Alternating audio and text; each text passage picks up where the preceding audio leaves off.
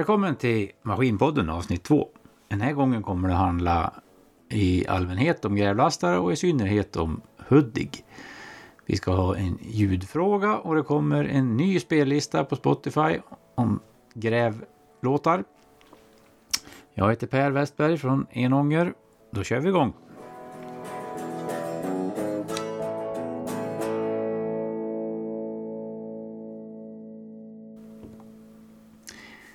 Idag när jag körde bil mellan Delsbo, Hudik och Enånger. En sträcka på kanske, kan det bli då? 12 mil tur och retur kanske. Så såg jag fyra Hudigar i fyra olika färger. Och med olika eh, utrustning på också. En med stolpresare och en som satt och grävde och en annan som körde någonting i, i gafflar. Och en fjärde som bara körde efter vägen. Så jag såg inte exakt vad det var på gång på den. Men det är ganska vanligt förekommande maskin där. Och den är intressant. Så den kommer vi att prata en hel del om idag. Och vi ska börja då med att prata med en eh, en som har varit med ganska länge i, i den här svängen och kört. Och särskilt i synnerhet det här med linjebyggnad har den här människan jobbat ganska mycket med. Jag har ringt upp eh, Bengt Mattsson uppe i Bjuråker här i Hälsingland som har varit med ett tag och har ganska stor verksamhet med det här. Vi ska lyssna på hur det lät när jag pratar med han.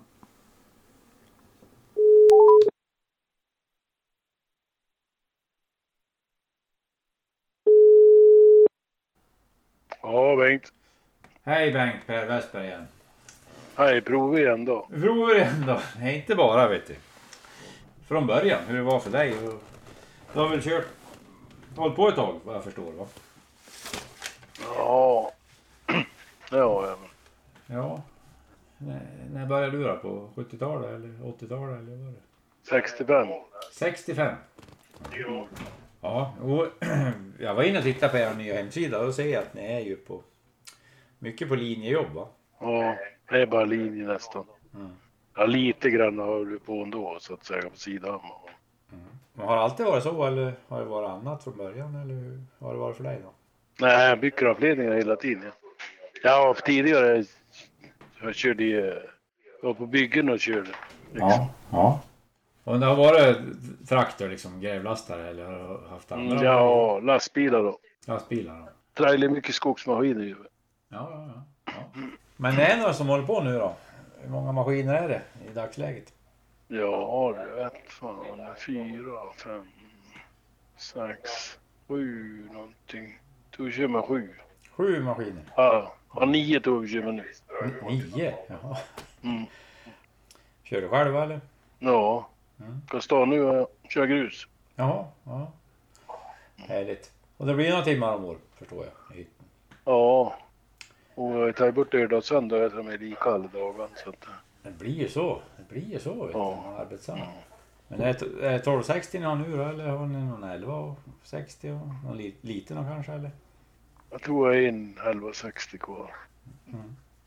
Och för det körde du med 1060 antar jag, 960 och du har provat allihop du, eller hur är det? Nej, inte 1060, 960 hade vi från början. Ja, ja, ja. Alldeles när de kom va? Eller? Ja, jag var ju ute och demade redan från början där, liksom, där de kom ut. Ja visst var det så va? Att du var tidigare Mm. och visade dem. Fyrcylindrig var de från början. Ja, vad gillar de då? Ja, det är klart de vore bra då på den tiden. Ja. Nu då, om man tittar nu, vad, hur ser du på det? Du har ju varit med hela den här utvecklingen då, sedan 65 med spakar och datorer och allting sånt där. Liksom. Mm. Hur ser du på det då? Ja, det är klart det är mycket lättsammare nu att köra. Det är en helt annan hydraulik på dem. Ja. Men är det samma känsla? Feeling liksom i händerna? Ja, det är mycket värre nu. Det är Det är bättre mycket nu? bättre nu. Ja. Ja. Mm. Så de är ju otroligt utifrån hydrauliken så. Den här liften som ni har på sidan då? Vad, vad kallas det? Jag vet inte ens vad det heter. Du får berätta. Ja, Hudikliften ja. Ja. Den har ju Tobben varit med och utvecklat. ja, visst var det så? För du såg behovet och behövde... Ja, det var ju... Det är jag som har hittat på det med vagnar och fram som var större kranar i då. Ja, hur är det då? Det... Ja, det är ju en parfingerkran. Den trä- ja, 30 ton meters fram, 34 tror jag. Sen når ju en 30 meter hydrauliskt då. Då kan du dra ut en par utskjutare om du vill. 30 meter rakt upp, det är otroligt högt. det. Mm. Ja. Jag tror de väger 24-25 ton med kran. Inte själva, men alltså med traktor alltihopa. Hela totalvikten på dem. Liksom. ja, jo, jag förstår det. Men det är en skaplig massa ändå det, och ni kör ju på alla möjliga ställen. Ja, sen kan ju köra det i drift på dem med så du kan få dem att driva dem med. Jag gjorde en först, jag kapade en skogstraktor och gjorde en. Gjorde du det själv? Sen, eh, ja. Jaha. Sen hittade vi på det här då liksom antar jag. Jag är liksom det som gör skillnaden då att eh, jag gjorde den där första hade ingen drift på men sen så att det ska Robson på för då går det lättare. Ska det ha växellådor och grejer men det är liksom gäller, det är dyrt ändå då så gäller att få det så billigt som möjligt och lättsamt. Då. Mm. Genom att man flyttar sig så mycket efter vägen. Ja, tackar för det. Så då lägger du driften och lägger du rullarna och då kan du hjula iväg. Och fart. Så använder det dem liksom i nödfall där det blir riktigt en kris så att säga. Jajamän. Ja men hur är uppdragen? Är det nya ledningar ni sätter upp eller? Nej, Restaurering? reparera, reparera mycket. Ja. ja men det brukar jag tänka på. Det är där vi har våran sommarstuga då, är det en ledning som är uppsatt tror jag 1960. Som är alltså Ja. 60 år gammal nu då. Det är ett Mm. otroligt bra bygge. De står ju än, stolparna och... Ja. Ja nu då så får de ju byta ut stolpar då som är en besiktig där då. Jag tror jag vart åttonde år eller någonting och då kollar de då stolpar och sådär och borrar i dem de är ruttna men det var mycket bättre trä förut än nu va. Är det så? Sämre kvalitet nu? Ja. Då har vi bytt i dem med strömmen på. Va? Gör ni? Gör ni? Eh, Går Det det är bara så? 200 000, det är bara 200 000 volt så det är inte så farligt. nu driver du med mig. Nej, Är strömmen på? Är det så? jajamän. Jaha. Ja, och det kan inte bryta strömmen nu för det finns ju på en del ställen finns det bara ena matarledningen och det kan inte bryta strömmen. Nej. Nej. Ja, ja men när, när ni kör då, hur många är ni liksom i en... en Ja, jag tror de är, de är tre gubbar med. Så brukar det vara två maskinister för vi har alltid två maskiner. ja. Då vi byter så. Va? Så lyfter man med en och så byter man stolpen med den andra maskinen. Ja. Det, är, det är liksom inget mycket folkapier utan det kan ju stå på sidan för allting är radiostyrt. Då, så att, eh, Och så bor ni i koja eller husvagn eller hur funkar det? Nej, det är mycket på hotell och sånt där. Mm. Vi spolar väl i husvagn men det är ju liksom något jobb som är länge. Det här är- det förflyttar ju hur långt som helst. Som Tobben var i idag, igår då var ju han upp till Rätan och sen var han till Vitvatten och bytte en skarv på ledningen.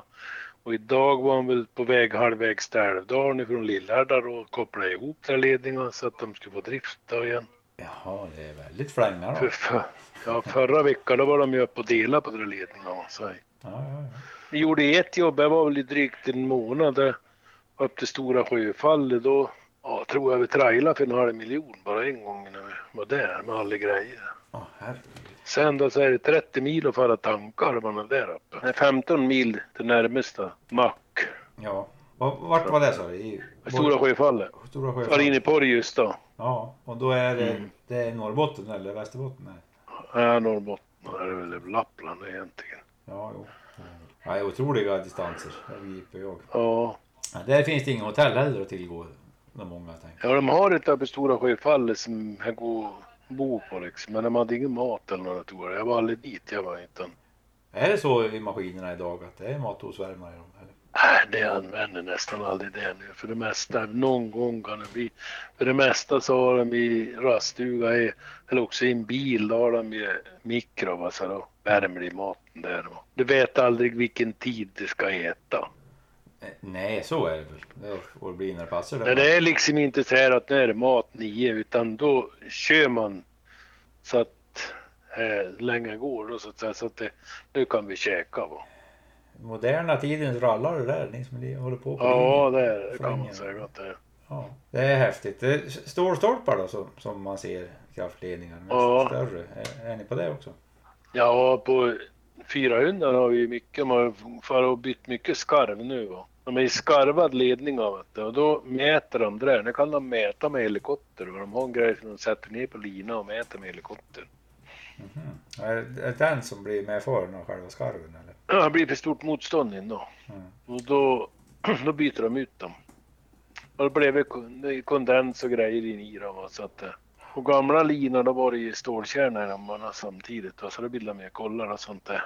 Något fel på stålkärnorna. Jo du vet det är i varje sån där fas med trippel är de ju uppspänd med en 10,5 ton. Jaha, en sån, sån dragning i dem alltså? Ja. Mm. Sånt drag är det då. Och så sen då blir snölast då. ja, det är klart det blir viktigt det. Ja. Det blir det ju. Är, är det kontinuerligt för dig? Är det, eller för er då? Är det, eller är det någon högsäsong och lågsäsong någon gång? Eller? Nej då, jag, jag har haft grävare själv i 46 år. Jag har kört varenda vinter. Liksom. Jag var första vintern jag inte körde någonting. Men annars har jag kört i Ja. 45 år, varenda vinter liksom. Och, och vad var första traktorn hade då? Jag var en gammal Hymas, Nuffield. Hymas med nuffel ja. ja. Mm. Och fem spak. Ja, fyra var det på dem. Fyra. Och då var det bakhjulsdrivet som gällde från början då?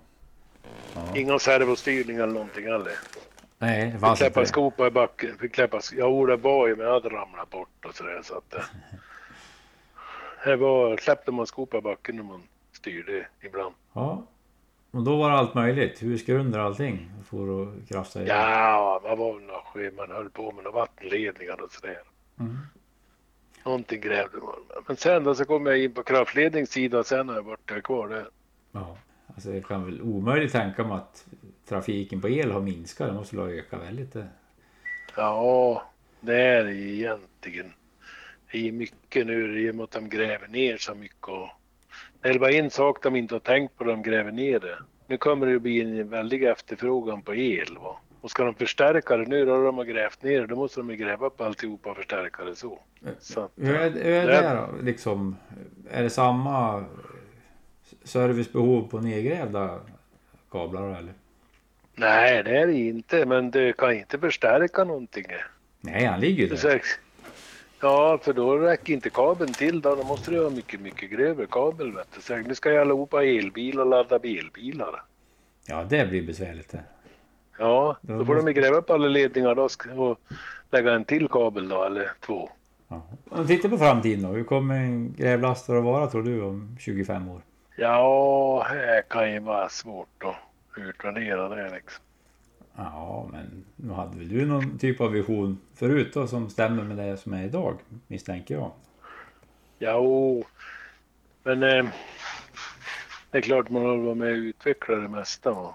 Ja, ja jag hör ju Men, det. eh, jo, men det, är så länge jag var liksom som gamla Hymas eller Hudik-fabriken, då var man ju, ja man kände ju allihopa då som var konstruktörer och alltihopa. Så då, då var man ju på dem och hackade om de inte hade gjort som man tyckte de skulle göra. Ja. ja, men det är väl härligt när liksom de som använder grejerna får påverka hur de är. Det tycker väl jag Jo, men det, vart, det, det är därför de har ligger långt fram egentligen med hem. För att ni kan inte göra så här, för så här måste vi ha det. Jaha, var det så? Mm. För de har inte samma syn när de är ute på jobbet liksom. Nej, men det är väl jättebra att sådana som du då har varit aktiv och, och örsat och Ja. bråkat så det blir väl rätt. Tycker jag. Och nu ikväll då ska du iväg och krafsa ett gruslass eller vad sa du? Nej, jag ska köra några tre gruslass. Ja. Jag skära lite asfalt och sådär. Ja, men då ska inte jag hindra dig något mer Bengt. Du får tacka för samtalet. Det var Ja, väldigt då. trevligt att prata med dig. Mm. Lycka till, hörs vi. Ja då, tack. Ja, hej då.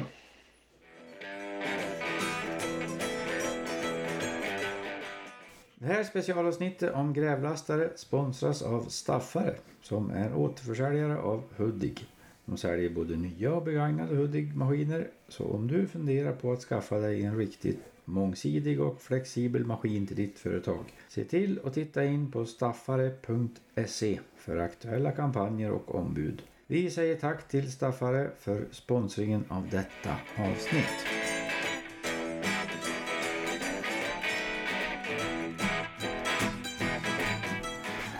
Ja, återblicken idag den handlar ju såklart om grävlastaren. Hur den maskintypen uppkom först. Och sen så kommer vi att prata med en av de viktigare spelarna i gamet när det gäller hur Hudik blev Hudik kan man säga också. Då. Så vi börjar med del 1 här då i återblicken.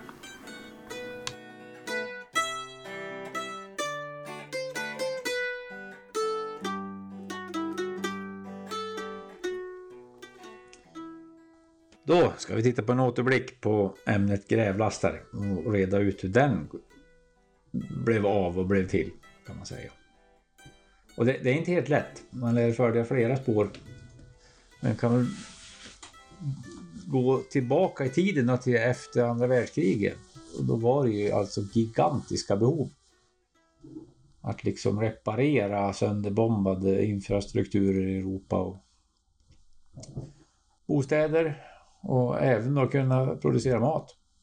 Bruka upp och rationalisera och till mark för att kunna liksom för befolkningar. Det, det var ett stort behov. Och då måste man börja med odlingsmark. Plocka upp stenar, plocka upp stubbar, rationalisera, utöka och förbättra. Det är så. Och här i Sverige då så tänkte man väl sig på ett ställe som heter Arboga byggnadssmide. Att om det finns en traktor på en gård skulle de kunna uträtta väldigt mycket med om de hade en grävaggregat på den. Och ungefär samtidigt då kan man ju tänka sig att det var så har vi en smedja i Frankrike. Det som sen då kom att bli maskintillverkaren Pocklane. Eh, där utvecklade de ungefär eh, slutet av 40-talet en, en vagn med en liten hydraulisk grävare på. Då. Och, och då hade man liksom det spåret utrett kan man säga. Då, att använda en jordbrukstraktorkropp och hänga på en grävare bak. Samtidigt då får vi väl titta på spåret jordbrukstraktorn som, som eh, bas för en frontlastare. Och, då börjar man med baklastare, konstigt nog. Men där har vi också några tidiga eh, fabrikat i Sverige. Vi har väl en i Sandviken, men vi har väl den mest tydliga och mest kända kan man säga. Det är Bröderna Lundbergs utanför Skellefteå. Som eh, i början på cirka 1950 då byggde på eh, BM Volvos vad kallas den för H10 kommer den att heta sen va? Och det är alltså som baklastarna blev sen det har utvecklats till hjullastare midjestyrda och så vidare. Då. Och kombinerar man det här då, då får man alltså en jordbrukstraktor med frontlastare och bak till då ett grävaggregat och då har vi alltså grävlastare.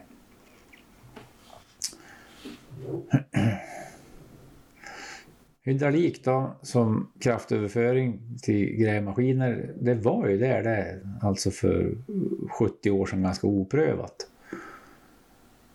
Men eh, det visade sig då ha väldiga fördelar jämfört med lindrift som var det andra alternativet på den tiden.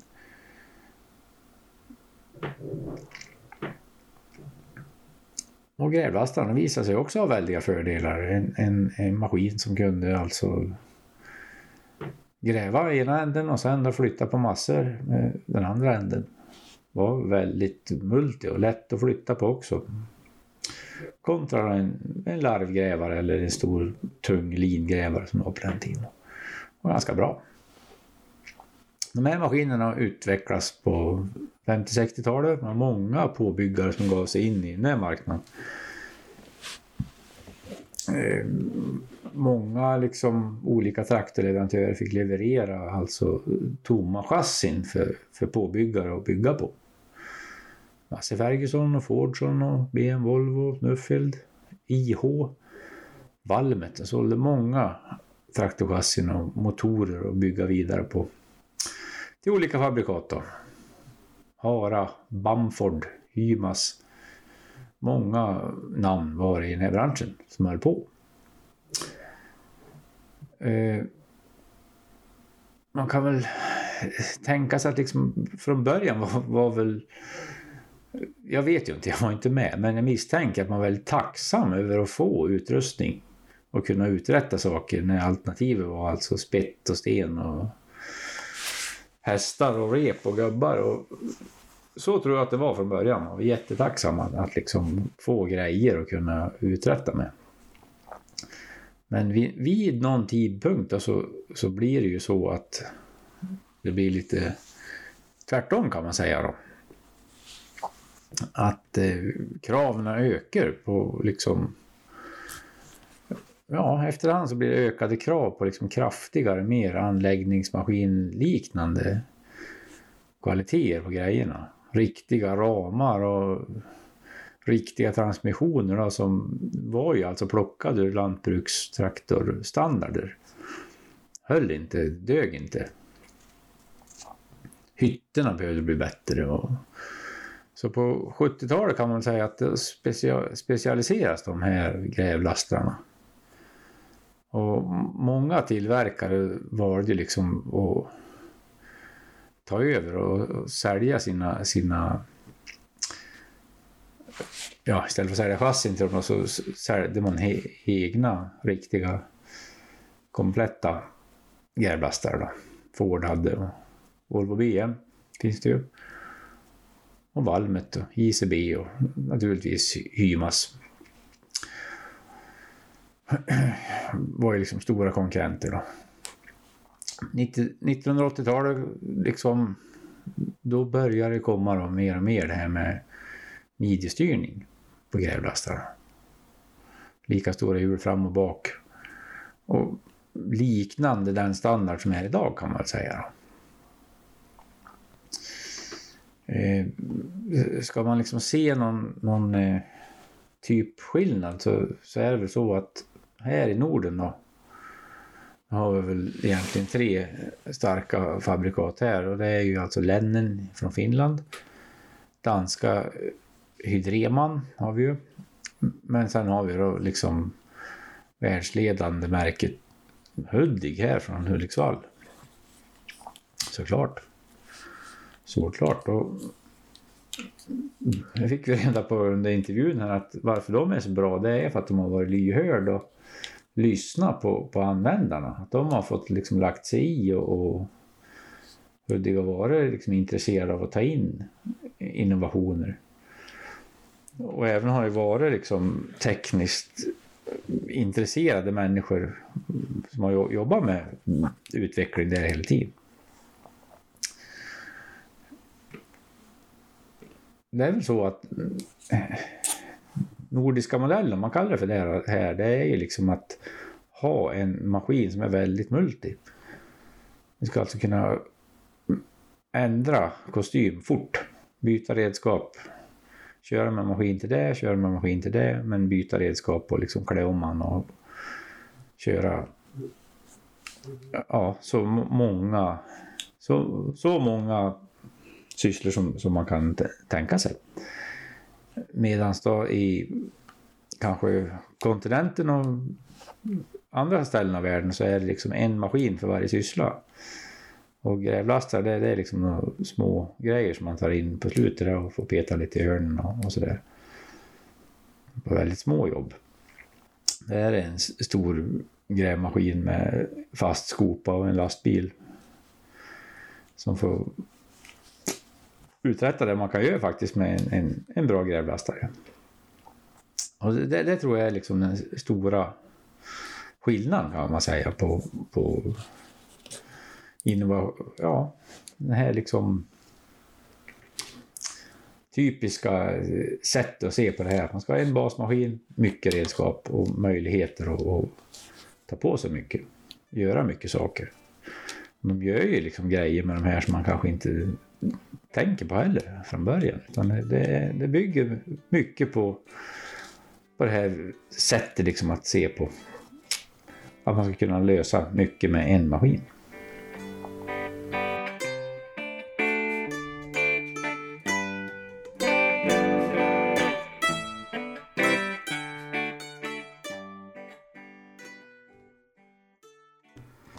Ja, där fick vi höra lite grann om själva maskintypen grävlastare.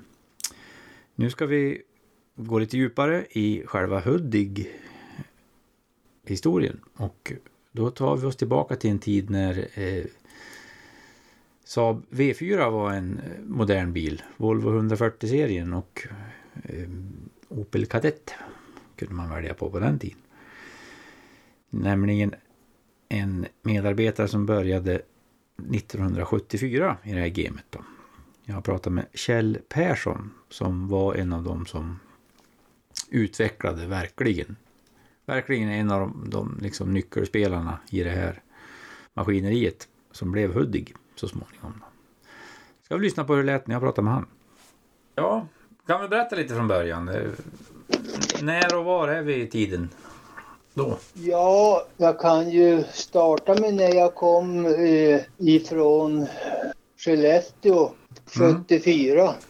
Mm. Och, ja, i början på året. Och då hette de ju Svenska Hymas. Och då var det ju Sonnerud som var boss. Mm. Och sen hände det ju en eh, väldig massa saker sen. Vi gjorde ju Hymasen och eh, en grävare till Volvo. Mm. De levererade ju chassit och vi byggde på eh, resten. Mm. Eh, De är eh, ganska snarlikt de där två va?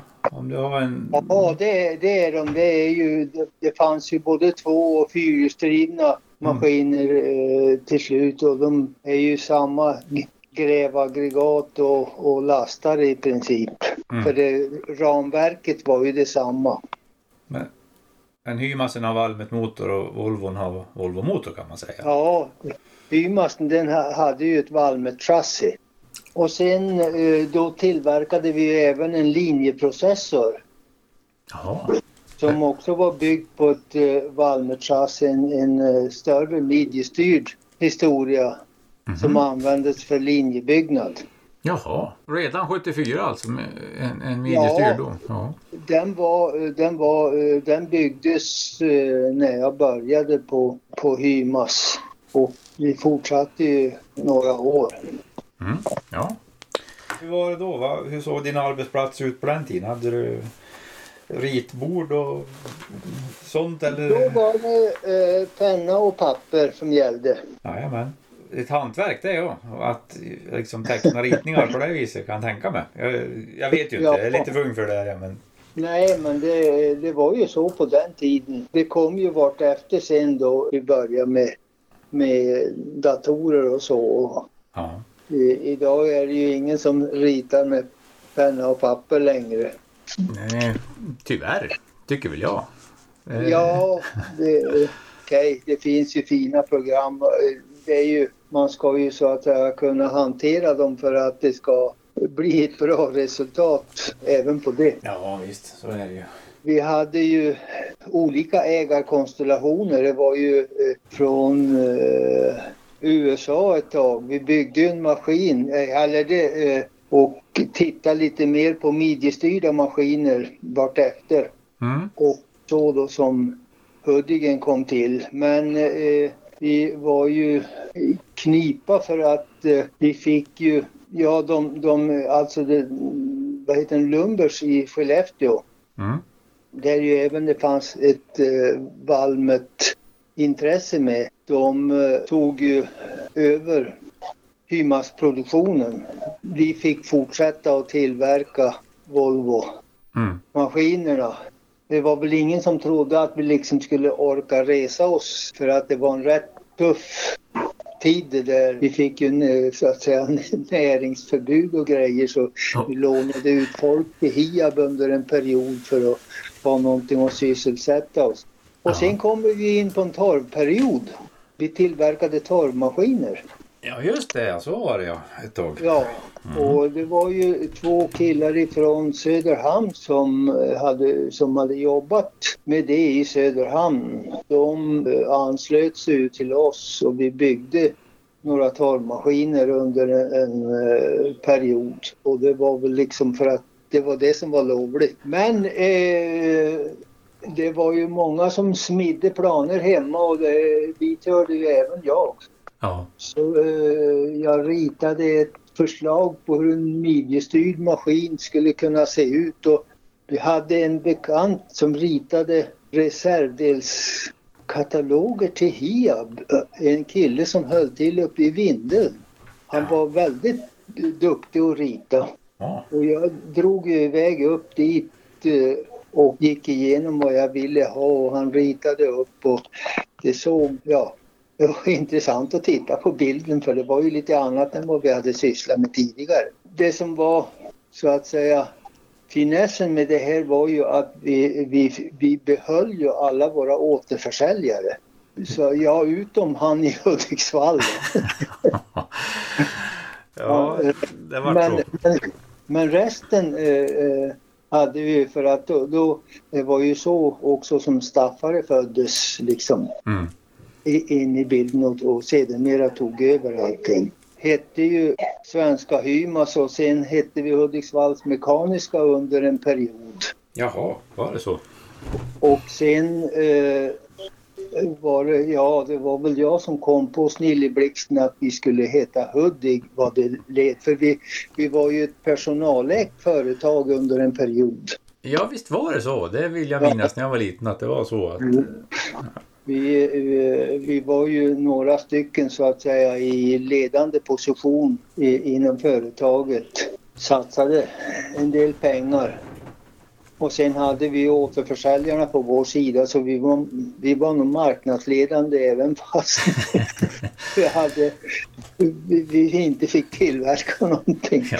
Men vi kom ju slutligen fram till med hjälp av våra återförsäljare att den maskin som jag hade liksom ritat ett förslag på, vi byggde en sån. Om, jo, det var faktiskt så att eh, den första eh, mindre maskinen som heter Hudik 760, Mm. Den ritade jag hemma i gillestugan. Va? Det var på pen, med penna och papper. Så jag pratade alltså med människan som uppfann firmanamnet Hudig och du ritade den första Hudigen också hemma i Ja, ja, bostaden? ja, Ja. eh, i huvudsak. För att eh, eh, vi fick ju liksom inte visa vad vi höll på med. Nej, nej, det var ju så då. Vad spännande. ritade jag ju även den här Hudik-symbolen, alltså en stilistisk traktorgrävare. Det är eh, min konstruktion det. Jaha, intressant. Ja, och, och, och ni hade alltså, ni lyckas... Ja, men lär er berömma, vilket konststycke. Ni hade ingenting att sälja egentligen men lyckas ändå då behålla. Ja, det var ju alltså det vi gjorde till Volvo. Ja, ja det är Som, klart. sen började ju de att göra som vi och rita på egna grejer. Mm. Så att de ti- tillverkade ju också en, en, eh, en större midjestyrd maskin under en period men det var nog inte riktigt deras business utan det, den, det slutade de med efter ett tag. Jajamän, fick konkurrens. Ja, ja det byggdes ju eh, lite nya lokaler och en, en större fabrik för att eh, det som Hiab har som utvecklingsavdelning, alltså den, den verkstadsdelen, det var ju våran gamla fabrik. Och så byggde vi nytt och flyttade där det finns idag. Ja. Och sen, eh, ja, eh, vi ersatte ju även den här stora linjeprocessen med Hudik 960 som heter 1260 idag eftersom den har vuxit till sig lite. ja, det är ju så. De har ju Ja. ökat, på lite grann där. Ja. Det är ju den som tillverkas idag för att mycket linjebyggnad och så för att eh, utvecklade ju liftar och, och på senare tid så har de ju även gjort i ordning eh, så att den kan gå på räls. Mm. Ja, det stämmer. Och eh, det är ju, ja, det är väldigt mycket eh, maskiner som går på järnvägsreparationer och, och byggnader. För det var ju många som höll på med lite utrustning speciellt för Uddigen Mm. som vi eh, sedan anammade och a, a, anpassade maskinen så att det gick bra att använda de här grejerna. Oh ja, så är det. Det- Den här epoken som du pratar om, om man säger så då, med decennierna, var, var väl en innovatörsperiod där kan man säga. Det var, uppfanns mycket saker. Det, det var ju en intressant eh, period. Ja, jag slet väl ut, vad var det, fem VDR innan jag slutade. Överlevde du fem stycken? Ja. Ja, Ja, vad tycker du då var liksom det stora klivet för, för utvecklingen där? Ja, det var ju när vi började med de midjestyrda maskinerna. Mm. Helt klart. Och sen har det ju utvecklats eh, undan för undan anpassat till olika typer av jobb. Det är ju då jobb på järnväg och linjebyggnad är väl den mest intressanta delen, eller det har ju varit den som har varit bärande. Mm. Om vi ska prata lite lilla Hudik och stora Hudik då. Om vi säger 760 kontra 960 så är väl den stora skillnaden transmission där.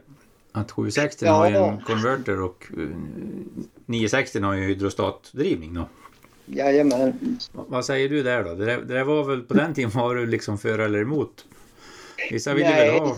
Eller? Nej, eh, hydrostatdriften passade ju bra på 960 eh, med- de arbetsuppgifter den hade och liksom smyga sig fram i besvärlig terräng och sånt. Medan konverten är ju en billigare eh, transmission Mm. än hydrostaten. Den passade ju då bra på 760 eller 860 som varje transmission hade sin givna fördel.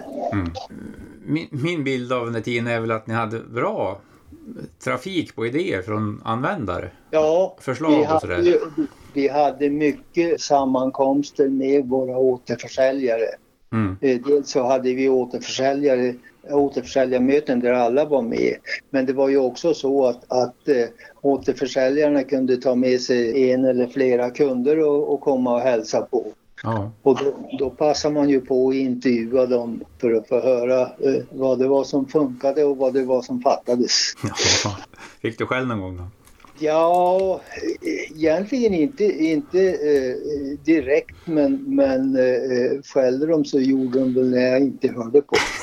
Ja. Fick du beröm någon gång om jag säger det då? Jo, det hände faktiskt. Ja. Det, det gjorde det, men okej. Det roliga var ju att jobba med just de här grejerna för jag har ju liksom ett förflutet där jag eh, har kört mycket bandtraktor en gång i tiden. Ja du, säger det? Ja, Vad var det då, då för maskin? Ja, det var allt ifrån små ja, Caterpillar D4 upp till D8, D9. Oj, kör du D9? Det är en mäktig maskin.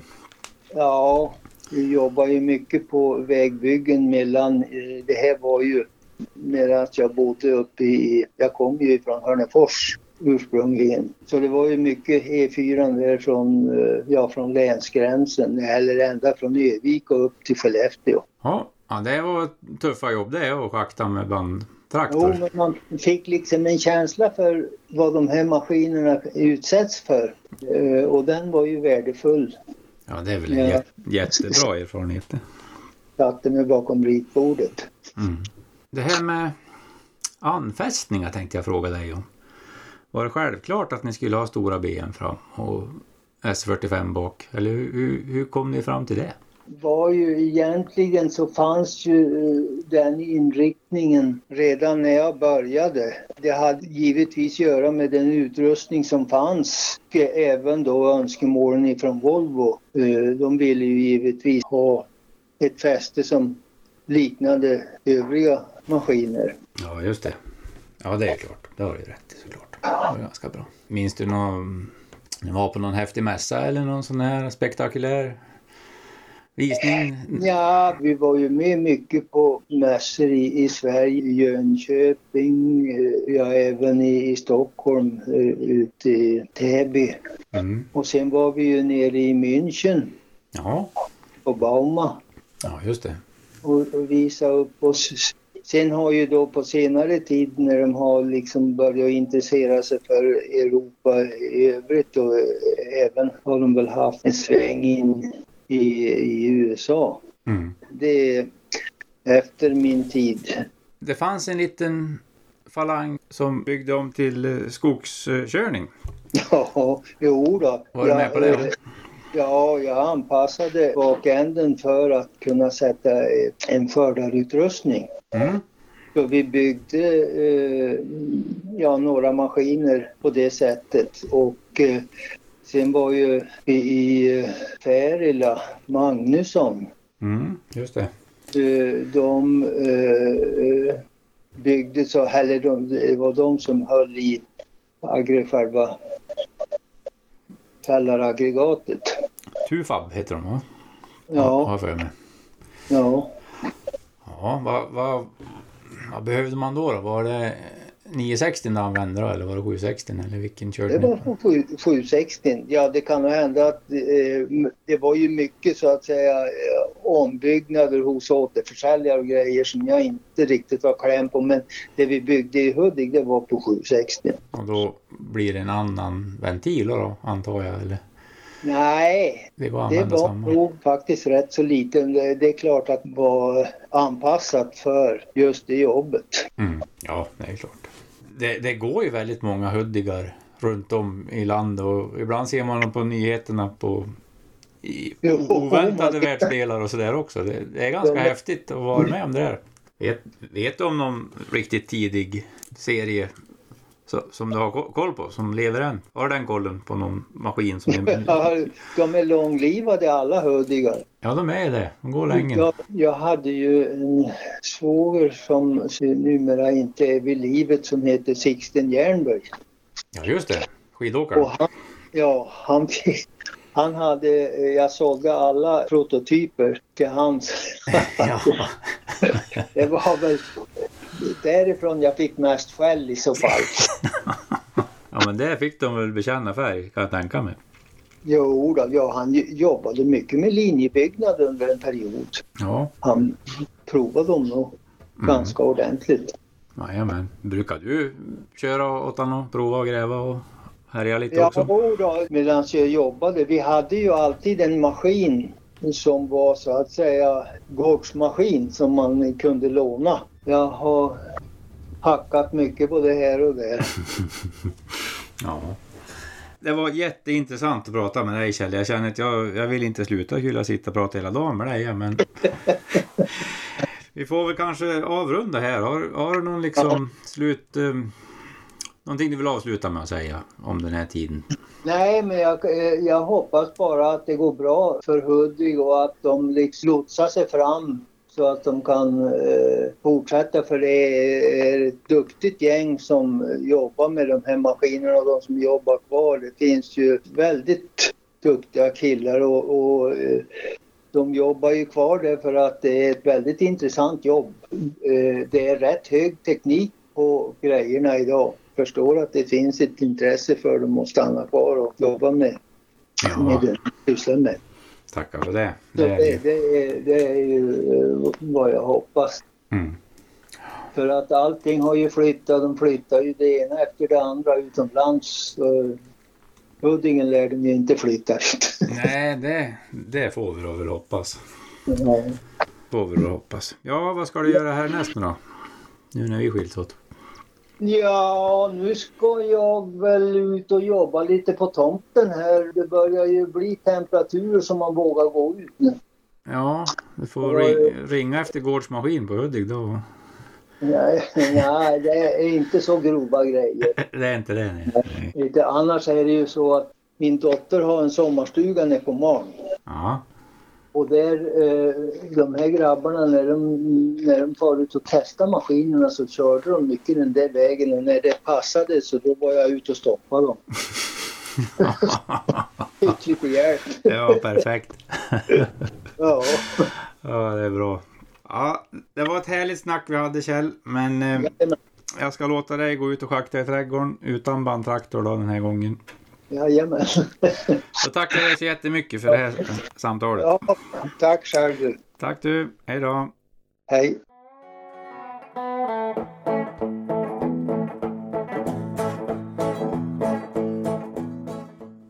Ja, det var dags då för en ljudfråga igen.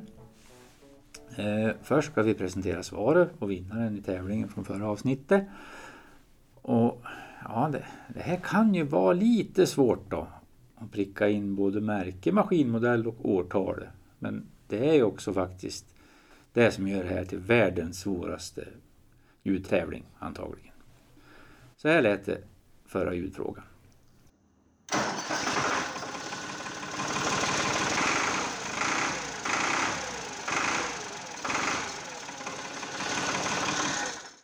En eh, ganska karaktäristiskt motorljud tycker jag. Och en som kände igen det här det var våran lyssnare då, Johan Gurra Gustafsson i Hallsberg.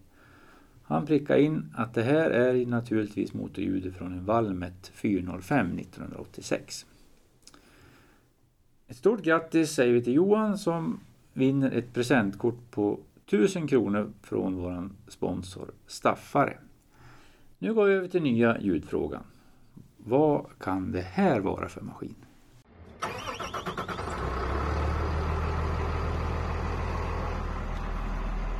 Ja, så där lät det.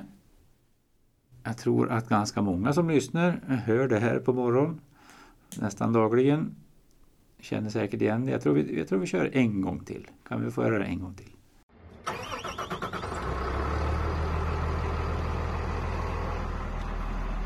Ja, så där ja. Vad kan det här vara för maskiner då? Det är ju så att vi vill inte bara veta märke, maskinmodell och årtal. Vi vill den här gången då även ha reda på vilken färg maskin har. Och för att vara riktigt utslagsgivande då, så vill vi även veta vilket chassinummer kan den här maskinen ha. Färg och chassinummer tillkommer den här gången. Det ska ju vara världens svåraste ljudfråga här. Skriv på vår Facebook. Skriv svaret så utförligt ni kan. Så är ni med och tävlar om ett presentkort från vår sponsor Staffare. Det är inte lätt, men lycka till!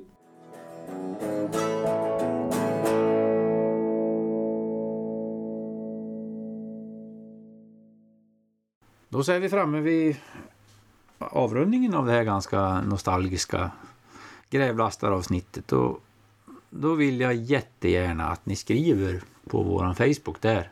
Om ni har någon liknande sån där story. Att ni har varit med om ja, deltagit i det och jag skickade in ett förslag om den här skopan, att man skulle kunna flytta ja, den här detaljen hit så vart det den fördelen och så vidare. Så, så, sådana grejer är jag jättenyfiken på. Skicka, skriv gärna det på Facebook. Jätteintressant.